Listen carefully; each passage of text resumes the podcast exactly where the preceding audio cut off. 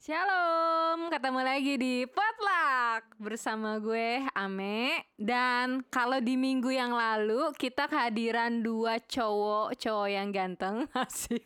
Sekarang kita juga akan kehadiran dua cewek-cewek cantik dan manis. Wow, disebut manis langsung semangat kayaknya ya. Udah udah ada suara-suara nona-nona manis cantik di sini. Pasti teman-teman potlucker udah pada penasaran nih. Siapakah cewek cantik yang ada di depan saya? Teng teng deng deng deng deng deng. Kasih tahu jangan. Jangan. Gak usah. Kasih tahu lah. Bikin kuis, bikin kuis. Oke, silakan diperkenalkan kakak di depan saya sebelah sini, sebelah kanan. Sebelah sini. Sebelah kelihatan ya. Oke, oke. Ya, Di sebelah kanan sebelah saya. sini. Nama saya Stefani. Umur saya tiga tiga puluh lima. Gak boleh bohong ya dosa ya. Iya betul nggak boleh bohong. Udah, itu aja. Udah nomor sepatu mungkin, nomor telepon. Kalau ada yang mau ngasih kado. Nggak, nggak, nggak boleh, nggak boleh. Nggak Nanti boleh. aja kalau ada yang mau ngelamar, baru dikasih tahu. Curhat ya. Kayaknya butuh-butuh yang kepastian ya, butuh-butuh yang oke. serius ya. Ya, berarti ini pengumuman ya buat cowok-cowok di luar sana kalau mendekati Stefani harap Maaf, serius. Anda siapa? Oh ya, belum perkenalkan diri ya. Oke, oke. Kenalin dulu. Silakan memperkenalkan diri. Perkenalkan, saya biasa dipanggil Mbak Yu, tapi nama saya Umi. Oh, Mi. Umi. Kayak lagu tuh. Umi. Udah cukup Udah itu ya. kan selalu. Sebenarnya na- ada nama panjangnya Ulmi Kulsum. itu temen gue, temen kantor. Oke, cukup. Oke. Saya Umi butuh perjalanan dua hari untuk nyampe ke tempat Waduh. ini. Kayaknya dari luar negeri bukan sih kak? Dua hari Eh, gitu ya? Apa sih? Mesti transit mungkin- transit gitu ya kayaknya ya? Luar planet kali ya. Luar planet. Oh gitu. Ya kan memang selalu butuh waktu dua hari kan Dari sini jam 11 malam Nyampe rumah jam 12 lewat Ya dua hari dong Dua hari betul Iya, betul betul. betul betul, Iya. bener bener. bener. Bisa, bisa. Nggak pernah salah emang kau Umi. Iya Maklum ya cewek Cewek nggak pernah salah. Oke Nah, eh, kali ini kita akan ngobrol-ngobrol santai. Eh, sambil kita kongko-kongko cantik ya, kita akan ngobrol bersama dua narasumber kita. Kita akan ngomongin soal eh, karena bulan ini adalah bulan kesaksian di mana kita mau eh, setiap anak-anak Tuhan boleh bersaksi tentang apa yang sudah Tuhan kerjakan khususnya eh, di tahun 2020 ini gitu ya. Nah ngomong-ngomong nih kakak-kakak, eh aktivitasnya akhir-akhir ini apakah masih seperti biasa ataukah kerja dari rumah gitu? Kalau dari siapa dulu nih Kakak Dari sebelah yang sini mana aja? Oke Mungkin saya dulu kali ya Yang agak jauhan ya Biar cepet pulangnya. Bener. Yang udah capek. Jauh jalan. Oke oke oke Oke aktivitas masih berjalan seperti biasa. Normal berarti ya, Kak, Normal Yang mungkin kalau di tahun ini kan tahun pandemi ya. Hmm. Bisa dibilang begitulah Karena di bulan Januari dan Februari kita masih bisa bebas. Setelah masuk di bulan Maret Kita udah nggak bisa bebas dong. Di mana orang-orang kerja tuh banyak WFH Tapi saya tuh nggak kenal itu apa WFH Apa itu WFA? Apa ya? Karena saya nggak pernah WFH Sama Ya, dong. di saat yang lain semuanya pada WFH, saya masih WFO, masih tetap kerja di office gitu.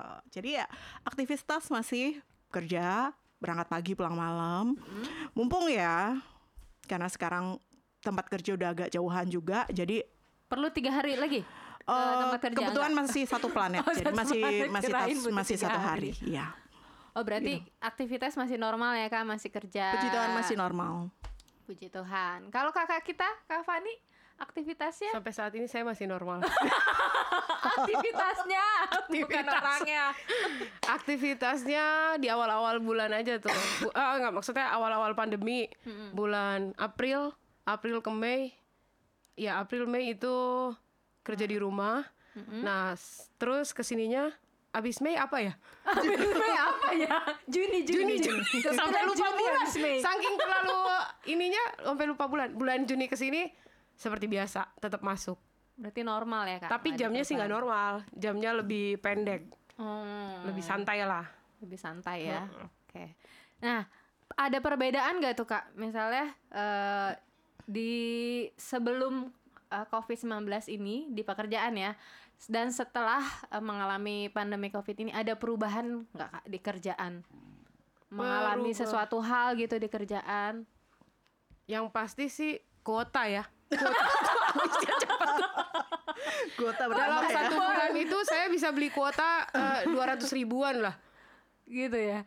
Karena kebanyakan Zoom meeting. Jadi lebih boros kota kayaknya ya. Iya, Dan sementara lebih rajin meeting ya? lebih rajin, lebih rajin Oke. sebenarnya lebih lebih rajin sehari itu bisa sampai 4 5 kali. Melebihi kerja normal sebenarnya Zoom meetingnya itu. Tapi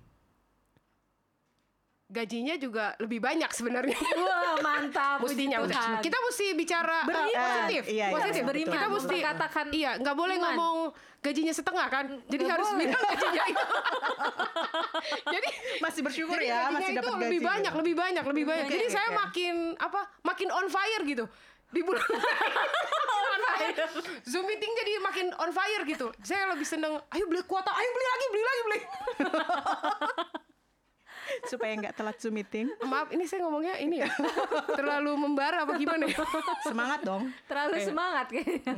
perubahan sih pasti banyak banget.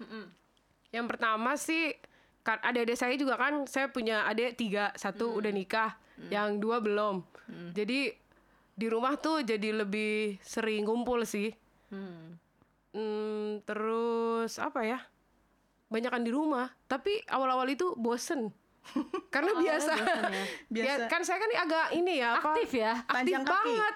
Eh, saya biasa ukur jalan gitu kalau orang Ambon bilang tuh terlalu sering keluar. Jadi pas nggak keluar tuh kayaknya gatel banget gitu kaki itu kayak gatel Kayak gitu. pengen keluar gitu ya. Tapi Gak sih betah. jadi ini ya, jadi banyak waktu sama mama yang pasti itu. Sama keluarga ya. Sama keluarga, kumpul. terus ngumpul, jadi suka masak, jadi suka nyetrika, suka Oh berarti biasanya enggak gitu? Nyuci nyetrika cuma maksudnya pasti nanti tunggu-tunggu pas udah nggak sibuk baru nyuci nyetrika tapi sejak pandemi saya jadi rajin sekali loh setiap Rajin hari itu bisa lah nyuci setiap hari Masak gitu ya kayak. Mm-mm. Berarti Hobi bisa ya. ya? Masakin kita berarti bisa. saya tuh Oh bisa. makanya saya bilang saya jadi suka suka apa suka banget kerjaan rumah gitu ya. kerjaan rumah karena kan duit masuk terus tuh jadi suka suka banget saya yang kayak gitu aduh ya ampun Tuhan Pokoknya saya bahagialah se- se- selama pandemi ini. Bahagia ya. Bahagia. Itu kuncinya kita harus bahagia Iya. di mana pun Oh, keadaannya ya. harus. Kok jadi ngotot ya ngomongnya? Bahagia itu harus. Bahagia jadi nggak nggak nggak nggak terpatok sama. Keadaan, Keadaan. situasi ya. Mm-mm. Betul, Gimana betul. kalau Mbak Umi? Gimana? Kalau Kak Umi gimana di kerjaannya ada perubahan nggak sebelum dan sesudah? perubahan. Kalau dari segi kerjaan ada ya kebetulan eh, di pertengahan pandemi di mana di bulan Juni tepatnya kantor tempat saya bekerja itu pindah lokasi. Jadi eh, udah agak jauhan dari tempat yang sebelumnya. Dan kebetulan eh ini sempat jadi problema juga sebelum berpindahan. Jadi ada ada apa ya semacam bisa dibilang konflik antara karyawan tetap dan juga pihak perusahaan.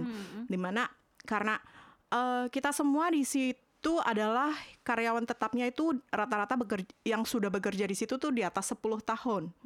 Nah saya aja bisa dibilang yang eh, agak mudaan gitu. Saya udah 14 tahun di situ. Wow, 14 tahun muda 14 ya. tahun. Itu agak udahan di situ ya. Belum lagi yang sampai 20 tahun. Jadi mereka tuh merasa kayak eh mereka pindah pindah aja gitu itu nggak sesuai dengan aturan ketenaga kerjaan Iya.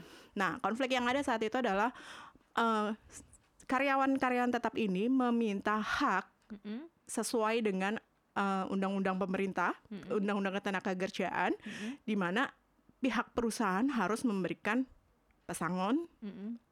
sebesar satu PMTK apabila dia ikut bekerja Ya. atau dua kali PMTK apabila dia tidak ikut perusahaan pindah. Hmm. Nah, tapi kan dari pihak perusahaan menolak karena Hmm. kan dalam situasi yang bisa dibilang itu sebagai alasan ya karena Iya, itu iya. kita sedang pandemi juga Hmm. bisa dijadikan sebagai alasan kalau eh, nggak bisa perusahaan kasih uang pesangon dua kali PMTK. Hmm. Akhirnya terjadilah kesep- eh, belum ada terjadi kesepakatan jadi sekitar antara dua bulan Hmm. ada ada antara dua bulan itu semua staf karyawan tetap itu memberikan hak ya sorry bukan apa namanya hmm, apa ya bisa dibilang dia menyewa pengacara gitu untuk bernegosiasi dengan pihak perusahaan, Hmm. Perusahaan, ya.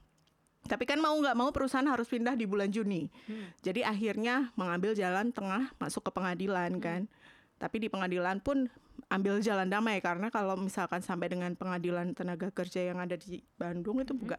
Butuh waktu lama butuh waktu butuh Ah, kos juga ya Ya, jadi yaudah dari pihak perusahaan memberikan kebijakan kalau akhirnya kita semua dikasihkan pesangon satu setengah PMTK bagi yang tidak dipakai lagi sudah. Jadi diberikan satu setengah sudah gitu. Sudah. Mereka nggak bekerja lagi. Nah, yang ada beberapa orang itu masih bekerja lagi oh ikut ya termasuk saya salah satunya. Jadi ibaratnya kalau saya yang sebelumnya pegang satu departemen, sekarang saya bisa bukan bisa terpaksa terpaksa handle tiga departemen karena orangnya memang nggak ada kan, Hmm. orangnya yang udah keluar itu nggak dipakai lagi. Jadi di tempat yang baru eh apa ya? Kalau menurut saya suasana kerjanya enak, Mm-mm. stresnya tambah ya mungkin ya karena kan handle beberapa Iya, lebih banyak ya Lebih banyak yang harus dikerjakan. Dan di situ memang selalu pergumulan karena kan sebelum sebelum pindah ke situ orang-orang yang lama ini yang memberikan surat kuasanya kepada pengacara itu kan mereka ikut lagi Mm-mm. selama satu bulan at- satu bulanan lah satu bulan lebih mereka masih ikut di situ untuk handover pekerjaan. Oh. Nah selama satu bulan itu ibaratnya kayak siksaan buat saya. siksaan ya? Bisa dibilang siksaan. Jadi apa ya? Secara mental sih sebenarnya. Jadi kayak eh, orang nggak orang nggak suka kan kelihatan ya kan dari mukanya kelihatan dari mukanya pasti. kelihatan. Meskipun dari segi pekerjaan harus tetap bekerja sama tetapi kan namanya nggak suka kelihatan. Jadi itu suasana kerja selama satu dua bulan tuh nggak enak. Tapi sekarang puji Tuhan eh, nah pergumulan berat banget tuh selama satu dua bulan itu bahkan sebulan-bulan sebelumnya. Dan ya Tuhan kasih jalan gitu aja. Saya cuman bilang gini Tuhan kalau misalkan saya masih bekerja di sini dengan kondisi eh, orang-orang yang lama masih ada itu beban mental buat saya. Tapi kan mereka sebentar lagi mau pergi. Cuman satu saya mau Tuhan ubahkan atasan saya yang mudi orangnya. Hmm. Dan puji Tuhan ya itu doa ya. Jadi apa namanya selama yang biasanya tuh kalau misalkan di tempat lama itu kerjanya selalu high temper. Hmm. nah sekarang udah nggak. Lebih banyak tertawanya lebih banyak enjoynya jadi lebih menikmati lah sekarang lebih bahagia kayaknya lebih bahagia meskipun Ini kayak mau nangis. Gimana? tisu mana tisu menangis bahagia dong. Udah di setiap udah disiapin tisu kok. Oke, siap. Jadi menurut saya baik Tuhan baik banget lah. Amin. Jadi apa pun kondisinya kita saat kita kita mau aja nih. Semuanya tuh tergantung dari respon hati gitu. Saat kita mau ikhlasin aja untuk semuanya, oke, berjalanlah sesuai dengan rencana. Pasti rencananya Tuhan itu yang terbaik kok. Dan Amin. eh, ini dari segi pekerjaan ya. Iya. Nah, kita tahu juga kan selama tahun 2020 ini banyak banget teman-teman kita yang susah. Hmm. Teman-teman saya, bukan teman-teman kita. teman-teman saya gitu. Maksudnya ada beberapa teman yang terdampak gitu. Termasuk mereka kan semuanya pekerja lepas ya, bukan bukan karyawan tetap, tetap ya bukan karyawan kontrak juga. Jadi mereka usaha sendiri gitu. Di tengah pandemi seperti ini berpengaruh sekali buat mereka gitu kan. eh sering gitu ngobrol-ngobrol jadi tahu lah apa yang mereka alami teman-teman yang kontrak ataupun yang misalnya punya pekerjaan yang lain mereka semuanya alami itu tahu banget.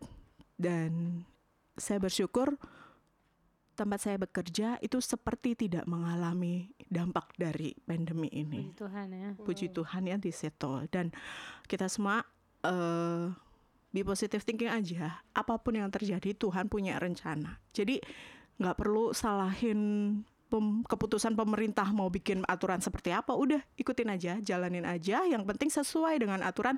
Itu yakin ada yang terbaik lah buat kita semuanya.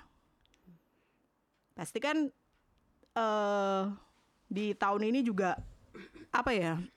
Kita sering lah ngobrol-ngobrol gitu kan, Tem- teman-teman teman-teman di gereja ngobrol kumpul bareng, nggak nggak sesuai dengan keputusan pemerintah yang memperlakukan PSBB yang seharusnya lockdown atau apalah itu banyak banget kontroversinya kan. Nah, kalau menurut saya yang keputusan yang sudah diambil kalau menurut pemerintah Tepat. baik, yang terbaik pasti kan dia juga mengkaji kan. nggak hanya keputusan sementara, bu- nggak bukan keputusan yang mendadak seperti tahu bulat gitu kan. Dadakan. Jadi Iya, jadi kan pasti sudah dikaji meskipun dalam waktu yang singkat gitu. Dan itu menurut saya itu yang sudah yang terbaik lah karena dan ternyata itu dari pihak satu pro untuk lockdown, pihak satunya lagi udah tahu zamannya susah, kita lagi di lockdown, apalagi yang harus kita makan, masa kita harus di rumah aja gitu. Ya jadi belajar belajar hal baru di sini. Berpikirlah, merasakanlah bukan apa yang ada kita saat ini, tapi cobalah mengerti untuk atau merasakan untuk ada di posisi orang yang di depan kita atau di sekitar kita. Mantap. Mantap, super Kasih sekali. tepuk tangan dulu. Puji Tuhan. Eh, memang ya di tengah pandemi ini memang mungkin banyak orang yang terdampak ya dari eh, sektor kerjanya dia gitu penghasilan mereka ya.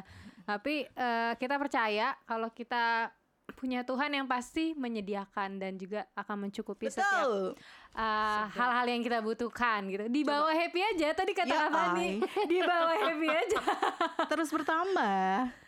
Apa ya? Apanya Bertambah-tambah. badannya bertambah. Oke. Nah, ngomongin soal eh, keluarga nih kak. Eh, tadi kan kak Fani sempat eh, nyinggung bahwa eh, karena covid ini eh, malah justru banyak waktu sama keluarga gitu, sering ketemu gitu kan. Nah, kalau buat kak Fani sendiri gitu, selain s- karena covid ini kita sering ketemu eh, keluarga, ngumpul bareng, ada hal lain nggak kak yang eh, dialami keluarga kak Fani sendiri gitu? Mungkin ada apa kesaksian-kesaksian gitu. Oh, em, apa ya? Kalau bicara kesaksian tuh banyak banget dan gak ada Nggak habis. selesai, Gue nggak mau selesai. bilang Kita mau ya? ngomong berapa lama Tuhan ini? Yesus. Intinya Tuhan tuh baik banget ya. Maksudnya dalam keadaan kayak gini memang kan eh, istilahnya tuh kayak krisis moneter, Betul. Resesi ekonomi. resesi ekonomi. Apalagi? susah banget deh maksudnya eh, dan aku juga sempat ngalamin hal yang maksudnya kayak adekku akhirnya karena memang dia kan kerja di apa sih apartemen tuh penjualan-penjualan gitu namanya apa? Eh, marketing. marketing. Nah, karena kan eh maksudnya pas ada PSBB dan segala macam dia di stop kan dan nggak ada gaji dong, nggak ada gaji. Terus kalau adekku yang satu lagi itu dia kebetulan sih di apa eh di Guardian. Guardian masih masuk lah Ya. meskipun gajinya setengah, tapi maksudnya masih ketolong lah gitu ya. Nah, itu kalau bicara masalah eh, kita pernah ngalamin, ngalamin yang memang maksudnya tuh satu waktu itu kita pernah sampai memang kehabisan semuanya. Hmm. Nah, waktu itu eh ya pokoknya intinya tuh kehabisan semuanya dan memang mamaku lagi sakit kan. Hmm. Dan ini lagi kontrol terus, bolak-balik ke dokter, bolak-balik ke dokter. Itu sampai ada satu titik aku sampai mikirnya tuh mikir gini, ini eh apa namanya? Ini kalau begini, maksudnya kalau kalau keadaan ini bisa maksudnya bisa panjang, maksudnya apa namanya? Gimana sih ceritanya? Aku sampai bingung terus sendiri gitu ya kondisi- kondisi. kondisinya kondisinya ini maksudnya sampai terus-terusan ini gimana yang lain gitu Se- ini seriusan ya aku ini ini bener maksud aku gini eh, mungkin kan semua orang lihat aku sih oke-oke aja keadaannya aja ya. baik-baik aja kayaknya nggak ada apa-apa tapi beneran eh bulan bulan kemar bulan kemarin bulan kemarin Jadi itu sempat memang habis. Ini aku udah lihat ini beras ya, beras kan kita ngumpul nih semua nih kan, semua ngumpul kan. ya. Ini beras udah tinggal eh kayaknya satu liter setengah lah, satu liter setengah gitu. Sementara di rumah itu isinya ada lima orang dan ada empat anjing, empat peliharaan. Sembilan rakyatnya. Jadi kami ada sembilan, satu kakak itu ada sembilan. Oh di kartu keluarga itu dicantumin kayaknya. Iya ada Kirby, Ciko, kakak, Satu lagi. satu lagi Adek kayaknya. ya? Adek adek. Tadi kakak adek berarti. Oh, Michelle. Namanya bagus banget sih. Jadi mau disebutin takut-takut ada yang namanya Michelle. nah, itu empat itu. Dan itu mama lebih sayang sama mereka daripada kami yang manusia. Jadi jadi jadi kalau setiap mau makan itu mama lebih mementingkan mereka. Mereka dulu Dibanding anaknya dibanding kami semua yang ada di rumah. Nah ini aku udah mikir-mikir. Karena aku nih anak pertama di rumah kan. Jadi biasa memikirkan segala sesuatunya tuh udah terbiasa gitu kan. Yang lain sih taunya cuma makan dia nggak tahu di dalam itu udah kayak apa kan. Yang tahu cuma aku sama mama. Coba bilang gini mah ini habis nih kayaknya besok kita puasa nih tapi sih aku nggak nggak pernah nggak pernah ya maksudnya gini nggak pernah eh, jujur di tahun ini Hmm. sesusah susahnya di tahun ini nggak pernah yang namanya besok itu nggak makan meskipun aku lihat ini beras udah tinggal segini. Hmm. Iya. dan jadi aku tuh gini loh aku ngerasa waktu habis aku udah udah berpikir besok pasti aku akan dapat lagi entah gimana ceritanya Hmm. saking aku tuh udah terlalu percaya karena di tahun-tahun yang lalu aja Tuhan tolong. Tuhan ya. tolong dengan mujizat-mujizat yang luar biasa. Jadi dengan hal-hal yang kayak gitu aku jadi kayak udah nggak Udah nggak nggak terlalu takut, takut ya. nggak bener-bener nggak takut, nggak nggak yang besok gue nggak bakalan makanin. Itu udah nggak ada lagi di pikiran kayak gitu. Jadi cuman kayak cuman ngobrol sama mama tuh cuman besok kita puasa nih terus kita ketawa hahaha gitu gitu imut gitu karena kita yakin besok nggak mungkin nggak makan karena Tuhan pasti tolong Iya. tapi yang mama tahu tuh seperti itu mama maksudnya ah udahlah besok pasti si dede juga aku di rumah walaupun anak pertama panggilnya dede pasti si Jadi dede berasa besok kecil terus ya? iya Oke. tapi emang aku masih Ih. Nah, terus udahlah akhirnya tiba-tiba adik aku ngomong gini kak eh, listrik bulan ini 800 ribu terus aku oke besok kita nggak usah makan kita makan listrik. Makan listrik. terus kata dia ih lu gila apa? Lu gila. Iya udah yang yang dipikirin listrik aja besok nggak usah dipikirin nih besok gimana. Terus ada tuh sampai ngomong gini ya elah kak kalau masalah kayak gini bukannya kita udah biasa dan kita udah percaya pasti Tuhan tolong. Dan itu pun maksudnya adekku tuh nggak nggak gereja tuh nggak terlalu yang gimana gimana banget tapi maksudnya dia aja sampai Imannya pun. Ya. yakin Gimana banget percaya. karena kita udah lewatin hal-hal yang berat kayak gitu dan memang bener kok kebesokan harinya pagi-pagi om aku yang dari Jakarta datang bawa dua karung beras Wow. J- itu beras yang 10 kilo jadi 20 kilo itu yang jatah dari Pemerintah itu? pemerintah yang di Jakarta jadi dia bawa karena dia juga sendiri istri anaknya nggak ada dia pikir siapa yang mau masak dia datanglah subuh subuh jam Wow. setengah lima pagi datang dan itu jam memang aku udah bangun dan mau lari tuh dia datang bawa beras jadi apa ya eh memang buat aku sih tahun itu emang tahun yang Luar biasa. bisa dibilang bahasa dunia ini gila banget. Ini tahun yang memang bikin semua tuh tergoncang. Kecuali ya itu kecuali orang-orang yang memang bener-bener udah tahu banget, kenal banget sama Tuhannya. Sampai hal-hal yang kayak tadi aku bilang, udah nggak takut lagi. Jadi beras nggak ada, udah nggak takut karena udah yakin banget besok itu pasti makan. Sekalipun nggak makan, nggak akan mati. Sebenarnya bukan nantangin. Emang suaranya gitu. Saking percayanya. gitu ya. Saking percaya jadi maksudnya ya udahlah nggak mungkin lah. Makanya aku bilang Tuhan itu terlalu baik, banget. baik banget. Baik banget banget. Jadi udah kita nggak bisa ngomong apa-apa lagi. Kita udahin aja podcastnya. Udah selesai aja udah cukup. Mari kita jalankan persembahan. udah nggak tahu lagi ngomong apa cuma bisa bilang Tuhan baik aja sih. Intinya itu. Tuhan Tuhan, baik pasti ya. tolong. Kalau Mbak Yu gimana Mbak Yu di keluarga? Kalau keluarga kebetulan pada saat di bulan Mei sama Juni adik saya dirumahkan ya selama dua bulan atau tiga bulan lah dia dirumahkan terus dia bekerja lagi di bulan Agustus dan eh kalau saya bisa dibilang selama pandemi malah jarang ketemu sama keluarga Saking sibuk ya tuh ya. Saking sibuk saking ya. sibuknya di pekerjaan karena berangkat pagi pulang malam gitu karena Bang pekerjaannya Toyib. eh Bang Toyib nggak pulang Iya iya iya betul betul. Terus kalau nah, cuman bedanya gini. eh si Mama ini kan orangnya agak over ya dari dengan kondisi yang ada saat ini eh, apalagi sudah banyak eh, pemberitahuan kalau yang lebih rentan adalah usia lanjut dengan anak-anak di bawah Ya. eh, balita lah anak-anak balita gitu. Nah di situ jadi si mama lebih rewel lagi kalau misalkan yang biasanya aku pulang kerja tidur tiduran dulu. Ini enggak dong. Langsung udah kayak satpam gitu. Eh, begitu saya masuk kamar si mama masuk pintu eh ketok pintu kamar terus masuk mandi. Nah, udah kayak udah ada satpamnya buat mandi. Nah jadi eh, karena itu saya pulang malam jam 9 malam ya sampai rumah setengah 10 di situ jadi kayak harus cepat mandi tapi kalau air dingin air dingin kan mandi malam kayaknya nggak banget. Jadi harus nunggu air mateng kan.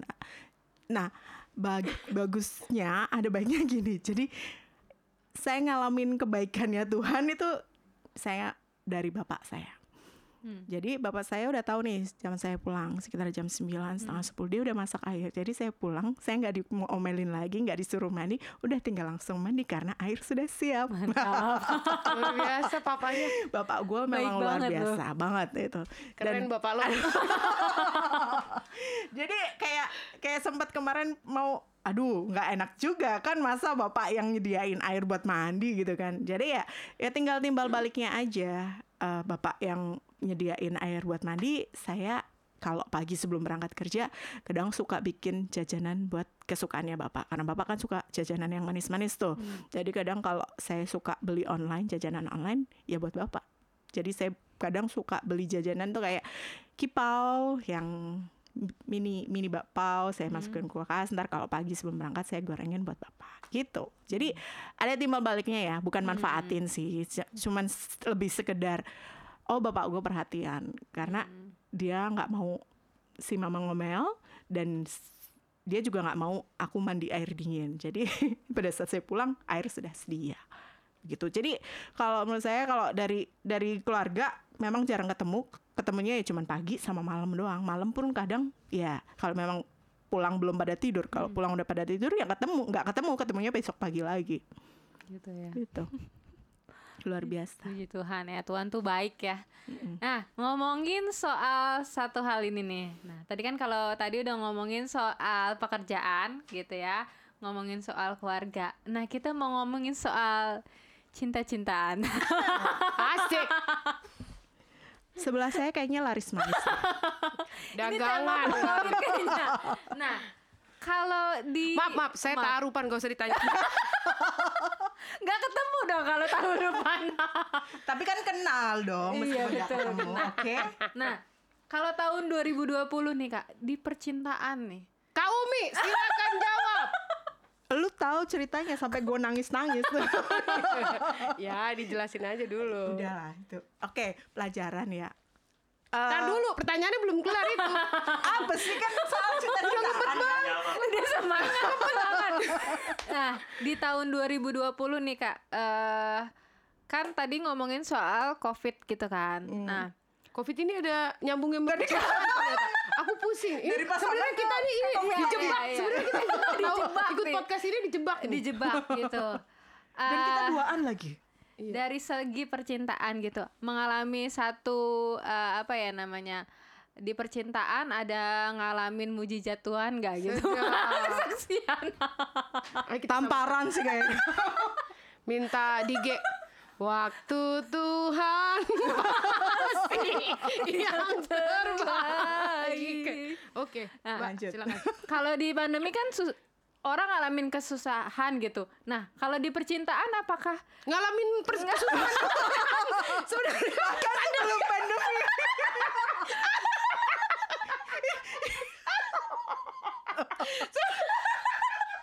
maaf maaf. Sebenarnya sebelum pandemi kita juga percintaan sudah mengalami pandemi.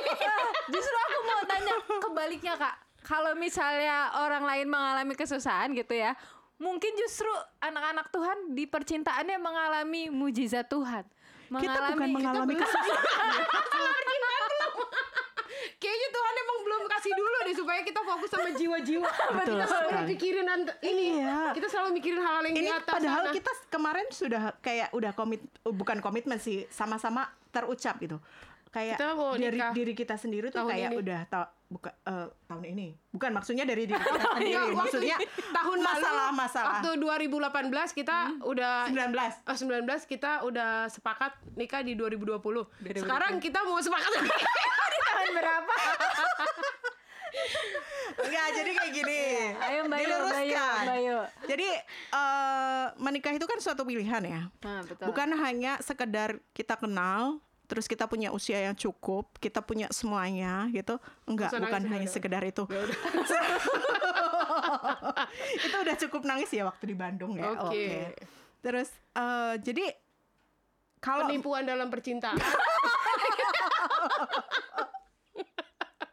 aduh Kalau ingat Bikin cerita, malu itu. kalau ingat cerita itu mestinya kita nambah narasumber. kita punya teman yang namanya Petra. Cici Eta. Cici Oh, Eta. Wah, Aduh. itu luar biasa. Dia masalah percintaan mantap. Oke, Gimana, kalau dari dari segi percintaan, udah sekarang ketawanya udah berhenti, berhenti dulu. sih. udah tapi sekarang. Jadi kalau menurut saya eh tahun ini sih kayaknya enggak ya. Bukan bukan bu, memil, eh, memutuskan Jangan ngomong gitu, ini masih ada dua bulan lagi. Iya, Siapa iya, November lagi loh, nikah. Kak. Siapa tahu November Oh nikah. my god. November, Desember masih ada. Haleluya. Amin. Jangan Mau diaminkan atau enggak nih? Nggak bisa. Bukan. Eh di tahun bu- Oke, secara Gak logika bisa, ya. berarti yuk gak ada nikah itu. Iya, memang, tiba-tiba memang, bulan memang November nikah tahun- gimana? tahun ada yang nggak- ngelamar tiba-tiba. tahun ini enggak ngelamarnya tahun ini nggak apa-apa nikahnya tahun depan. Iya bisa jadi Iya, sih, tapi- bisa jadi, bisa jadi, bisa Kenapa jadi. kita jadi Ini berantem? Mestinya tuh mendingan nikahnya tahun ini. Iya benar. Lamarannya tahun depan. Lebih irit loh.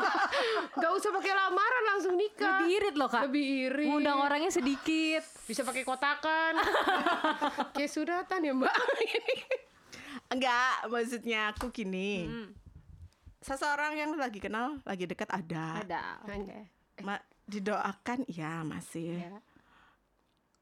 Tapi ya begitu.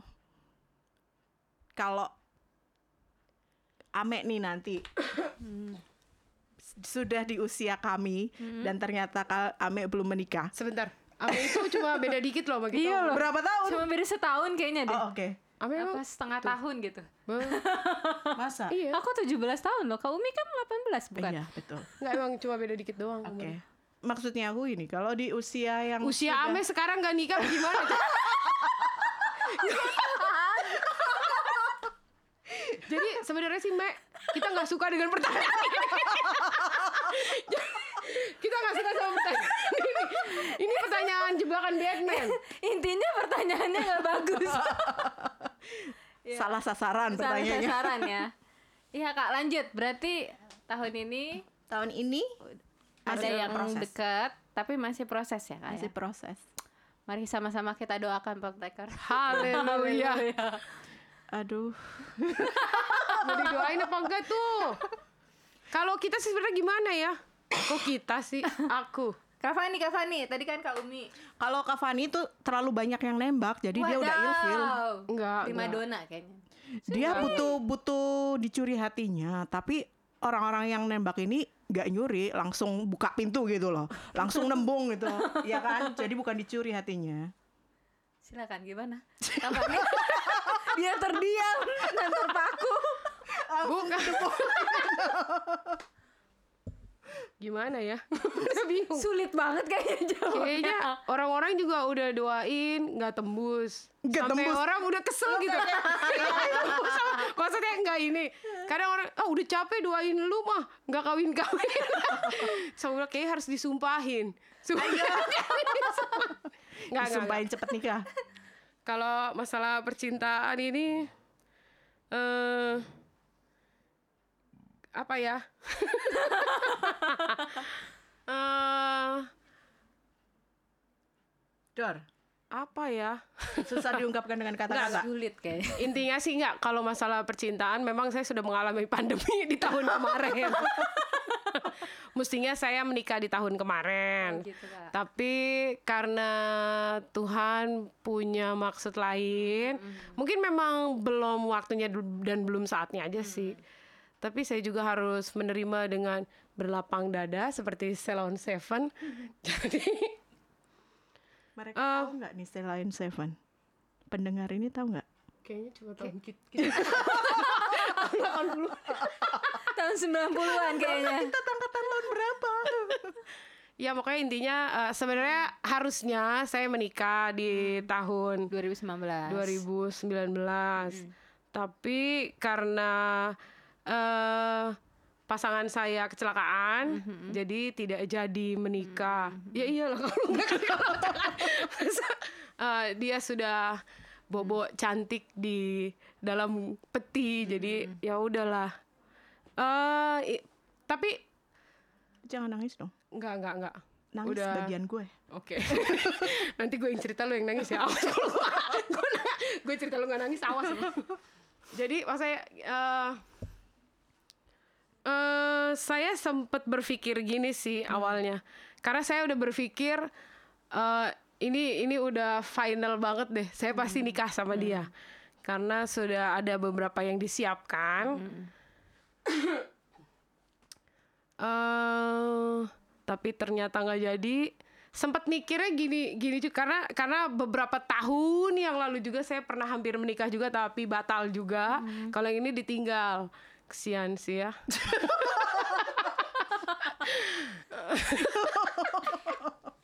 Pokoknya yang tahun lalu itu udah sekitar 9 tahunan tapi ditinggal semua udah siap oke nggak apa-apa.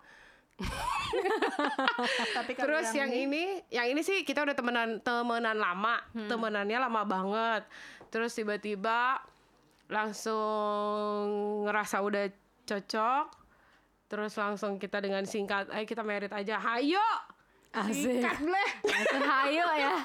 mantap. Ya intinya sih maksudnya di umur segini sih untuk apa sih kita lama-lama pacaran dan buat aku sih pacaran itu makan waktu banget dan buang-buang duit, buang-buang waktu. Kalau lebih baik kalau nggak usah pacaran kita temenan aja dulu. Jadi Untuk bisa lihatlah kenal lah ya, bisa Ah. tahu pribadinya. lihat pribadinya. Kalau memang udah oke, tinggal lama Go. Lamaran. lamaran. Ya, terus akhirnya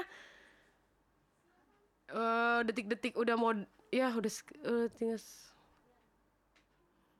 Sabar ya. enggak lagi ngitung bulan. Sekitar tiga bulanan lagi lah tiga tiga bulanan lagi hampir terlaksana ternyata kecelakaan. Sempat nggak terima bukan nggak terima ya. Iyalah itu nggak terima kayaknya itu nggak terima. Cuman karena aku pelayanan jadi itu tuh dibalut dengan manis gitu kan dengan manis. Sepertinya sih oke oke aja baik baik aja kayaknya nggak protes sama Tuhan. Sebenarnya tuh apa yang aku lakuin juga sempat setelah meninggal tiga bulan itu tuh agak sempet sempet eh, ada hal-hal yang ngerasa kayak kok Tuhan? padahal gue Banyak komplain gitu ya. pacarannya nggak ngapa-ngapain kok. Nggak jadi padahal gue nggak bikin apa-apa tapi kok nggak jadi? Gue udah bikin eh, istilahnya gue udah bi- gue udah lakuin apa yang Tuhan mau tapi kok begini juga. Tapi lama-lama lama-lama lama, aku berpikir sampai ada satu titik aku bilang Tuhan tolong dong. Kalau memang eh maksudnya buat buat aku mengerti maksudnya Tuhan Tuhan mau bikin apa gitu. Sampai akhirnya satu titik Tuhan tuh bilang eh, bukan bilang sih aku lihat nonton nonton TV terus tiba-tiba ada satu gambaran yang kayak Tuhan kasih tahu gini kalau lu lanjutin pernikahannya lo akan jadi seperti ini. Jadi ada satu kasus yang gimana lah gitu. Nanti kasihan ke lu nya sementara eh, lu nih mesti fokus sama eh, Jiwa-jiwa. anak-anak muda. Nanti lu akan bersama-sama dia yakin bisa atau gimana gitulah. Eh intinya pokoknya aku pernah berpikir gini Tuhan ini Tuhan ngejongin gue lagi Udah berapa kali kita dikena zong? ini Tuhan ngejongin gue lagi nih yang kedua kali Tuhan bikin zong udah tinggal detik-detik sedikit lagi Hmm. tiba-tiba nggak nggak nggak jadi Hmm. tapi intinya Tuhan kasih tahu semuanya ada sesuatu yang belum selesai harus aku kerjain kalau aku Ya. tetap kalau aku menikah di di di di bulan ini mung- eh, di tahun, Tahun kemarin Kemarin. ada banyak hal yang mungkin belum aku bisa selesaikan dengan baik di dunia pelayanan Hmm. Setuju. gitu sampai sampai ya aku dapet Tuhan juga nguatin lagi nguatin lagi eh ada satu ayat yang Tuhan kasih di Yesaya 43 ayat 19 Tuhan bilang gini ini waktu kayaknya lagi belum bisa terima. Lagi galau-galau lagi gitu ya. galau-galau ya bilang gini, lihat aku hendak membuat sesuatu yang baru yang sekarang sudah tumbuh. Belumkah kamu mengetahuinya? Ya aku hendak membuat jalan di padang gurun dan di su- dan sungai-sungai di padang belantara. Di situ aku yakin banget kalau Tuhan tuh lagi buat sesuatu yang baru dan ternyata bukan hanya tentang pasangan hidup tapi Tuhan buat sesuatu yang baik juga melalui pandemi ini. Ada banyak hal yang Tuhan perbaiki. Dan mungkin kalau aku cuma fokus sama sama kekecewaan aku nggak jadi nikah aku nggak bisa lihat ada banyak pintu-pintu yang Tuhan lagi buka ada banyak mujizat-mujizat yang Tuhan berikan. Bukan hanya tentang pasangan tapi pemulihan di keluarga aku. Dengan adanya pandemi kehidupan maksudnya ke- eh, keseharian kami yang biasanya tuh renggang nggak pernah ketemu dan segala macam itu kita bisa benar-benar nikmati hari-hari. Sampai papaku itu aku sama papa tuh nggak terlalu akrab.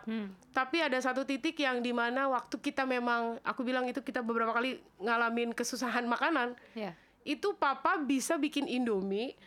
Indomie itu ada tiga biji dia tak bikin di mangkok besar Iya. terus dia pisahin buat mama buat Vano sementara papa suapin aku sama sama Angel sama Jacqueline di mangkok yang besar itu.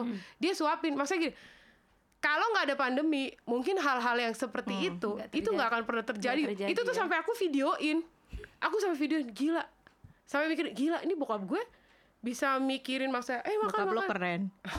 ternyata bokap gue keren juga. Gantian iya maksudnya dia suapin kita ber, ber- cewek-cewek nih anak waktu itu Jacqueline lagi main ke rumah. Iya. Dia suapin kita cewek-cewek. Dia suapin. Terus waktu itu aku sakit terus dia pijitin pijitin kaki aku. Wah gila. Bapak gue So keren. sweet banget. bapak gue keren. Maksudnya hal nah itu hal-hal yang maksudnya ketika eh kal ketika kita punya masalah coba deh. Kita mesti mesti kita jangan fokus sama masalah kita. iya, karena ternyata ada hal baik yang Tuhan lakukan di balik masalah-masalah itu Respon kita lah ya. Iya, Ya. respon itu penting banget. Ya meskipun respon respon itu memang penting, tetap tapi itu butuh proses.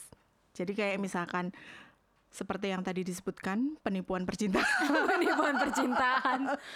itu tuh berat banget. Iya. Itu hasil penipuan percintaan itu juga itu hasil doa loh. Ya.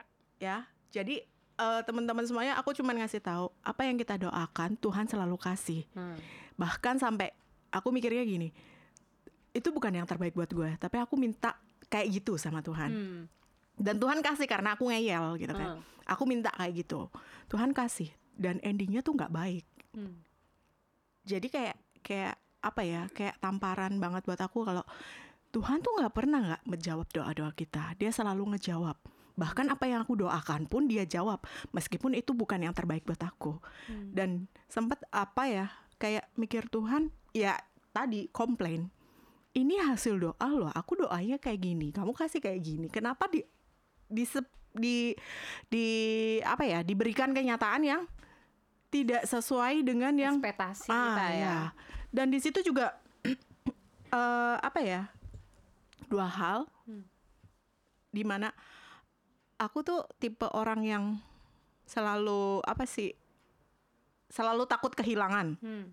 Aku tipe orang yang selalu takut kehilangan. Tetapi di situ aku belajar kayak bahwa untuk kehilangan itu Hmm. butuh butuh mental yang sangat kuat dan men- butuh apa ya pemulihan yang yang harus cepat gitu. Jangan berlarut-larut karena di saat kita berlarut-larut kita nggak akan mengalami kebaikannya Tuhan. Jadi kayak misalkan gini, Fanny pernah bilang sama aku, udah ampunin aja. meskipun aku bilang mengampuni aku hati enggak Hmm. tapi aku nggak yang frontal kayak dia dia ngamuk-ngamuk gitu enggak dan aku tipe yang kalem Tadinya aku bilang, ayo kita pukulin aja. aku panggil semua teman-teman bapak aku. Tapi maksudnya aku gini, hampir ya, hampir. Aku hampir kerahkan semua orang untuk mencari itu orang. Gitu. Maaf, Waduh. ternyata dia lebih gila. Maaf, jadi Lebih sadis kayaknya. Dan ternyata ini orang Jawa nih. Ini gue yang ngambun lebih panas Jawa. ter- enggak, ternyata tuh di tengah di tengah tuh kayak kayak apa? Tuhan kayak nyuruh stop. Udah, yang kamu alamin saat ini itu hasil doa gitu. Kamu udah minta apa yang udah dapat apa yang kamu minta. Jadi nggak usah kamu cari-cari alasannya, nggak usah kamu protes, nggak usah kamu memperpanjang lagi gitu. Akhirnya di situ aku melepaskan pengampunan. Melepaskan pengampunan bukan hanya dari sekedar hati ucapan. Pada saat kita nggak bisa berucap, teks dan eh, apa sih audio. Pokoknya berucap Ngomong. lah, ngomong, ngomong. Meskipun nggak secara langsung ya, dia pasti bisa menerimanya kok. Nah, di situ aku melepaskan pengampunan, aku melepaskan apa yang hilang dari aku, dan nggak lama lah, cuman lima bulan atau enam bulan, Hmm. Tuhan memberikan bayangan, bukan bayangan sih, apa ganti yang lebih lebih lagi gitu. Maksudnya materi nggak usah perlu khawatir. Apa yang hilang dari kamu, pasti kamu akan dapat kembali. Apalagi dari soal materi nggak perlu takut. Nah, dari dari dari hal itu aku belajar seperti tadi kita semua alamin di pandemi ini, bela- belajar satu berserah, berse- belajar menerima, belajar percaya. Kadang kita suka kayak eh, apa namanya? Kalau yang bekerja nih kita harus punya tabungan, kita harus punya ini, kita harus punya ini, siapkan untuk sekian sekian, sekian gitu kan. Tapi ternyata Tuhan nggak seperti itu. Tuhan mau ajar kita jalanin jalannya Tuhan, bukan rencananya rencana apa yang renca- yang kita rencanakan gitu. Jadi semuanya harus turut maunya Tuhan. Nah, nah, pada saat saya menyerahkan diri, berarti di bulan ya di awal-awal pandemi lah saya menyerahkan diri tuh. Berarti di bulan Kantor Februari polisi. Bulan. April lah, bulan bulan Maret saya menyerah angkat tangan lah ibaratnya sama Tuhan. Udah udah udah terserah, Terserah, deh gitu berserah kan, udah terserah Tuhan. gitu. Itu lebih mudah menjalani hidup. Nah, jadi buat teman-teman yang mengaku nih, mengaku saya melepaskan pengampunan kok, tapi hati enggak. Hati-hati, itu lebih berat kita jalannya. Tapi pada saat kita melepaskan pengampunan dan itu benar-benar kita lepaskan, itu kita akan berjalan lebih ringan. Gitu. Puji Tuhan. Lebih ringan ya. Berjalan lebih ringan ya ketika kita eh, melepaskan Ini nggak berbicara tentang berat badan kan? Oh bukan, bukan, bukan. Kita nggak ngomongin timbangan. Nah kak, balik lagi nih kak. Eh, melalui proses-proses selama dari bulan Maret sampai Oktober gitu. Apa sih yang kakak dapat gitu? Apa yang Tuhan sedang bicara sama kakak secara pribadi melalui eh, pandemi ini? Kak Fani silakan. Jiwa-jiwa. Sadap. Kita selalu mikirin hal-hal yang di atas soalnya. Bisnis toke. itu di atas kan?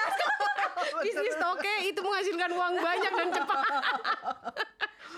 Terus apa ya? Eh, apa tadi pertanyaannya? Tadi bisnis toke otaknya.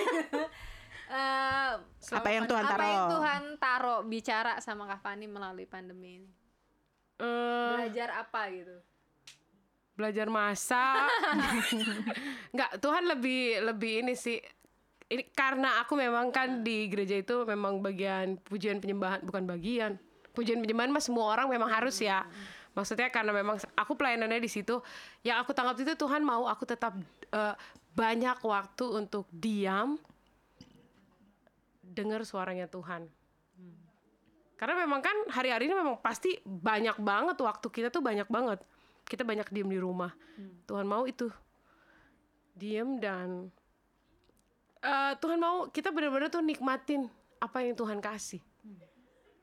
S- apa ya?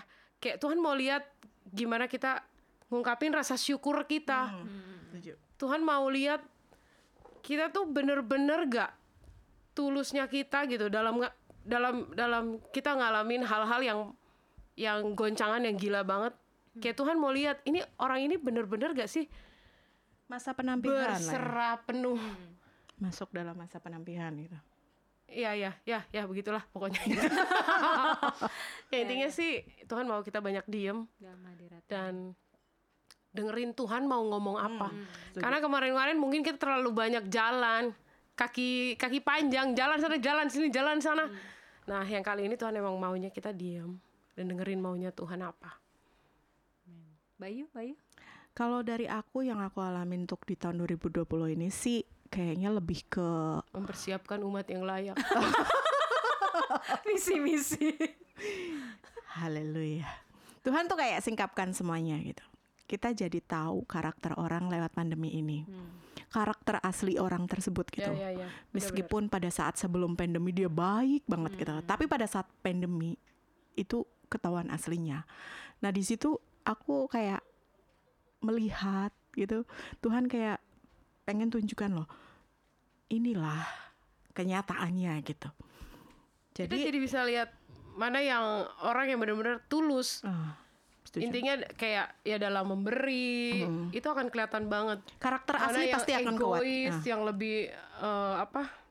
mementingkan keperluannya sendiri, s- eh, keperluan sendi- eh, diri kita terpenuhi dia tanpa pusing mikirin orang lain. Itu itu yang sempat bikin saya nangis beberapa bulan gitu kan. Tuhan ah, ternyata seperti ini ya. Orang yang selama ini saya pandang baik ternyata enggak gitu. Jadi di situ juga ya buat aku ini proses buat aku sendiri. Berarti dengan hatiku kan. Apakah dengan kenyataan itu aku akan kecewa atau aku akan tetap menjalanin apa yang sudah Tuhan siapkan buat aku, sudah Tuhan sediakan buat aku di depan. Cuman satu yang selalu uh, saya kayak diingatkan gitu, segala hal tidak semuanya baik. Segala hal tidak semuanya berjalan sesuai dengan keinginan kita. Segala hal tidak sesuai seperti apa yang terlihat. Tetapi satu respon hati kita yang mau Tuhan lihat. Dan respon hati it- kita itulah yang menentukan damai sejahtera Tuhan itu ada atau tidak. Nah, pada saat pada saat respon kita yang mungkin pada saat kita mengalami kecewa gitu, kita mengalami kekecewaan dengan melihat kenyataan yang tidak sesuai seperti yang sebelum-sebelumnya gitu. Itu kayak wah, kok gini ya? Di situ tuh kecewa, sedih. Ya, tapi mau gimana memang itu kenyataannya. Itulah yang terjadi. Tapi ya semua orang memiliki alasan gitu kan kita nggak bisa ngejudge juga kita nggak bisa menentukan orang itu seperti itu hanya karena dia bersikap seperti yang dia lakukan. Mungkin dia juga memiliki alasan. Jadi yang 2020 ini benar-benar diproses tuh hati. Tapi hati itu bukan sekedar tentang pasangan tetapi ya keluarga teman sahabat kakak rohani, pemimpin rohani, bahkan semuanya gitu kan. Hati kita diproses dengan orang yang ada di sekitar kita. Dan Tuhan mau lihat respon kita. Apakah kita akan merespon dengan benar ataukah kita merespon dengan sesuai dengan keinginan kita. Dan satu, Tuhan hanya tidak ingin kita merespon sesuai dengan keinginan kita karena itu nggak damai sejahtera banget. Tapi pada saat kita mengambil respon yang benar, damai sejahtera itu ada dan satu hal apa yang kita lakukan semuanya untuk Tuhan. Dan pada saat kita melakukan segala sesuatunya, jangan memandang orang orang-orang yang ada di sekitar kita. Lakukan dengan hati yang tulus dan lakukan semuanya seperti untuk Tuhan, seperti yang sudah Tuhan eh, firmankan juga. Dan saat kita benar-benar melakukannya, kebahagiaan itu ak- akan ada. Kebahagiaan itu turun sen- dengan sendirinya lah, bukan hanya sekedar firman, tapi kalau kita mau melaksanakannya sendiri, kita mau membuktikannya nih, kita bisa merasakannya kok.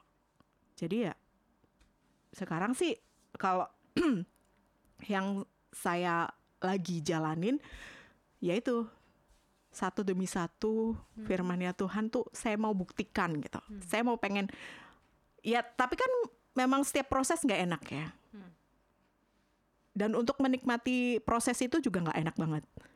Tapi saya saya mau dan saya pengen bagaimana cara meresponi semuanya seperti yang Tuhan ajarkan.